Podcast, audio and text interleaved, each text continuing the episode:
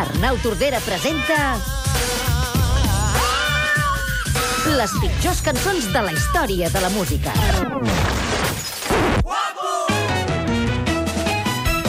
Guapo, m'ho diuen quan passejo.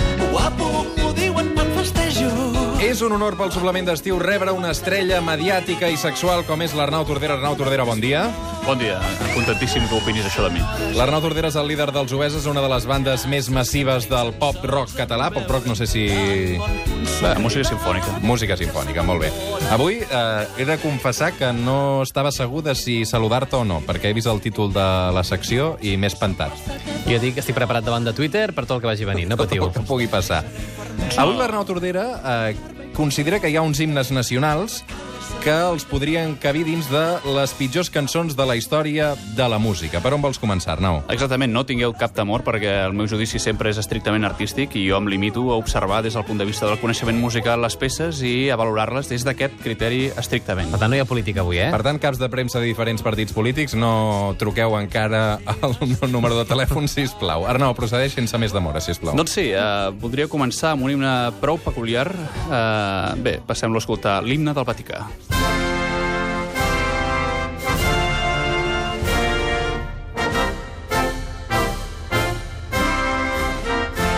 Bé, bé, no?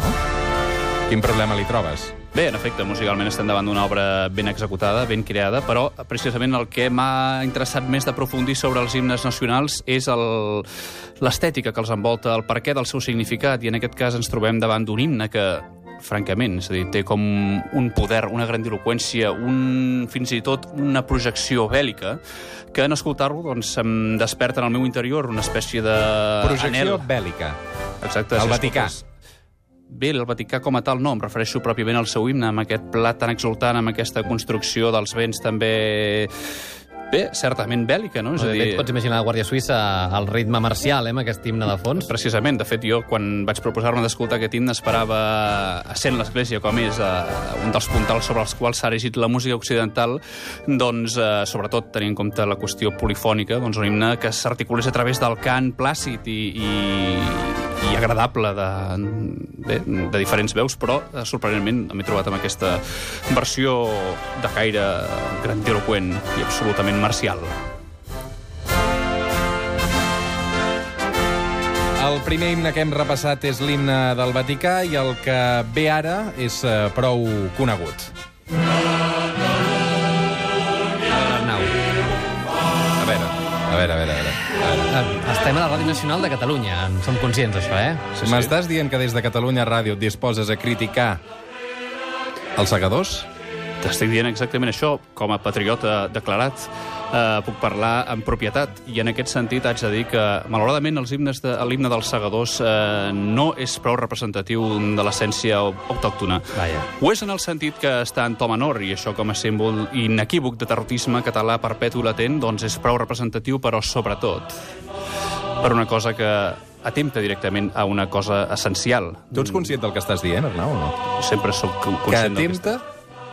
una, un element de l'himne que atenta directament cap a la catalanitat i cap a la llengua eh, tan nostrada eh, amb la qual sempre eh, he defensat amb I, una I estima quin és aquest absoluta. element? Doncs bé, resulta que... Escoltem, sisplau.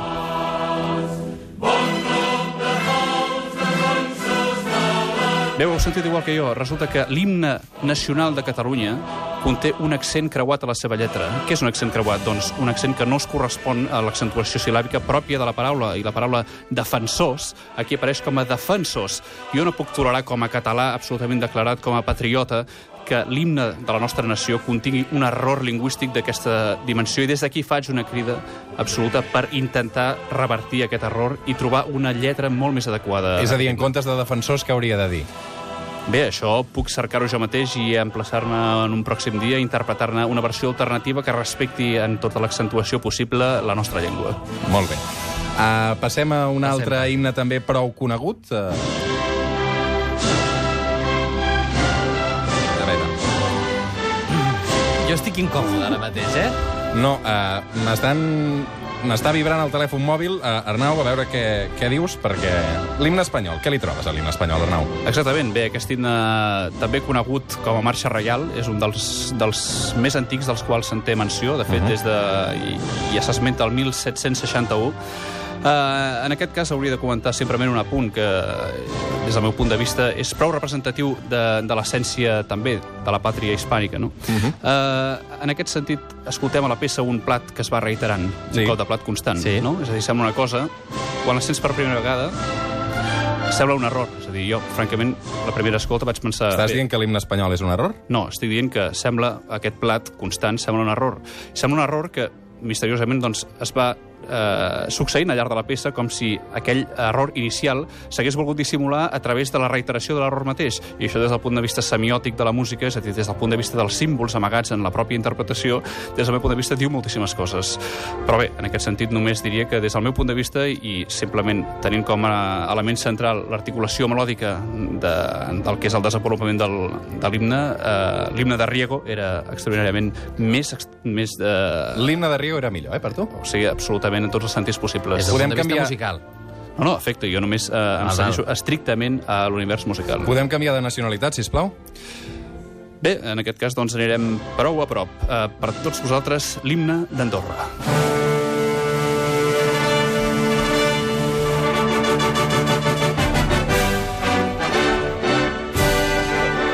Home, això és la marsellesa o què és això? Bé, eh, benvolgut senyor Escapa, eh, ha observat aquí una cosa ben notable que jo també eh, he tingut en consideració. Resulta que, sorprenentment, sembla que a l'himne d'Andorra s'inscrigui eh, com un gest subliminal, gairebé malèvol fins i tot, i maquiavèlic, eh, podríem arribar a dir, l'harmonia que sustenta la pròpia melodia eh, de la marsellesa. Quan, quan aparegui el, el moment, podem cantar-lo conjuntament.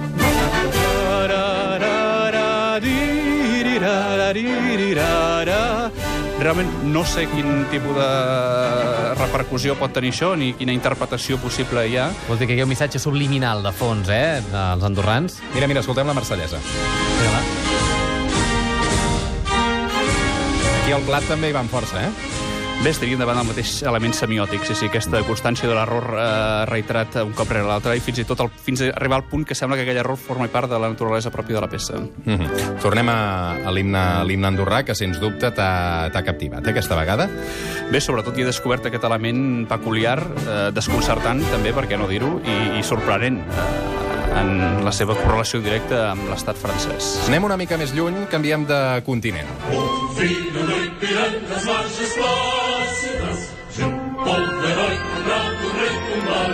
És que quan sona aquest himne, saps què em passa? Que m'imagino un partit de futbol, la selecció del Brasil i el Dani Alves, per exemple, cantant-lo. Que és una cosa que no pot passar amb el Sergio Ramos, perquè l'himne espanyol no té lletra i no es pot cantar. Però en un Espanya-Brasil, qui canten són els brasilers, en aquest cas. Sí, Espanya canta... Ja veig que aquesta observació futbolística t'ha semblat més aviat eh, No, no, Innecessària. suprimible. Bé, més enllà de la meva opinió sobre el teu criteri futbolístic, en aquest sentit haig de dir que m'ha sorprès sobretot l'estètica d'aquest himne. No? És a dir, esperava trobar un, una espècie de peça que s'articulés a través de reminiscències pròpiament autòctones de Brasil, no? una sonoritat de samba, bossa nova o algun gènere genuí d'aquella bona terra, però eh, sorprenentment eh, em trobo amb una música que s'inscriu molt més en, en una estètica absolutament occidental. És a dir, aquesta peça podria afirmar-la tranquil·lament Verdi, podria ser un cant d'una de les seves òperes. Eh, des del punt de vista musical, és una fita de la creativitat melòdica i orquestral, però des del punt de vista de representar a través de la música una societat com és eh, la brasilera, doncs em sembla un equívoc absolutament gegantí. Què estàs dient, que els brasilers només ballen samba? No estic dient això, estic dient que Brasil, com totes les terres del món, té una música, unes estètiques representatives que formen part pròpiament de la seva La nostra, cultura. que és la sardana. La sardana és una d'elles, en efecte, no només la única, eh, i de fet, com bé hem observat, tampoc als segadors eh, això s'hi veu reflectit, si més no en la versió que hem, que hem escoltat, malauradament, eh? Però bé, sí que és cert que en tot cas l'himne de Brasil eh, s'inscriu, com comentava, en una estètica absolutament, absolutament occidental que també ens pot fer reflexionar bastant sobre la qüestió que això significa. Avui amb l'Arnau Tordera hem repassat els pitjors himnes nacionals de la història de la música. Arnau, un plaer. Bon plaer per mi, també. Descansa, que avui t'ho has merescut.